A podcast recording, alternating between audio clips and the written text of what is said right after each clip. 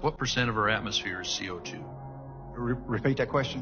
What percent of our atmosphere is CO2, carbon dioxide? About five percent. Five? We'll go seven.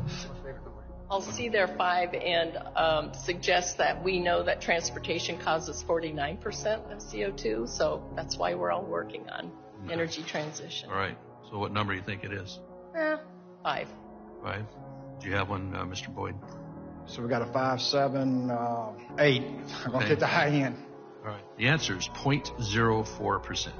Not 1%, not a half of a percent. It's 0.04%. And It's gone up from 0.03 over the last couple decades. This is what we're being all contorted into doing is this tiny change in CO2. If we get below 0.02, plant life starts dying off.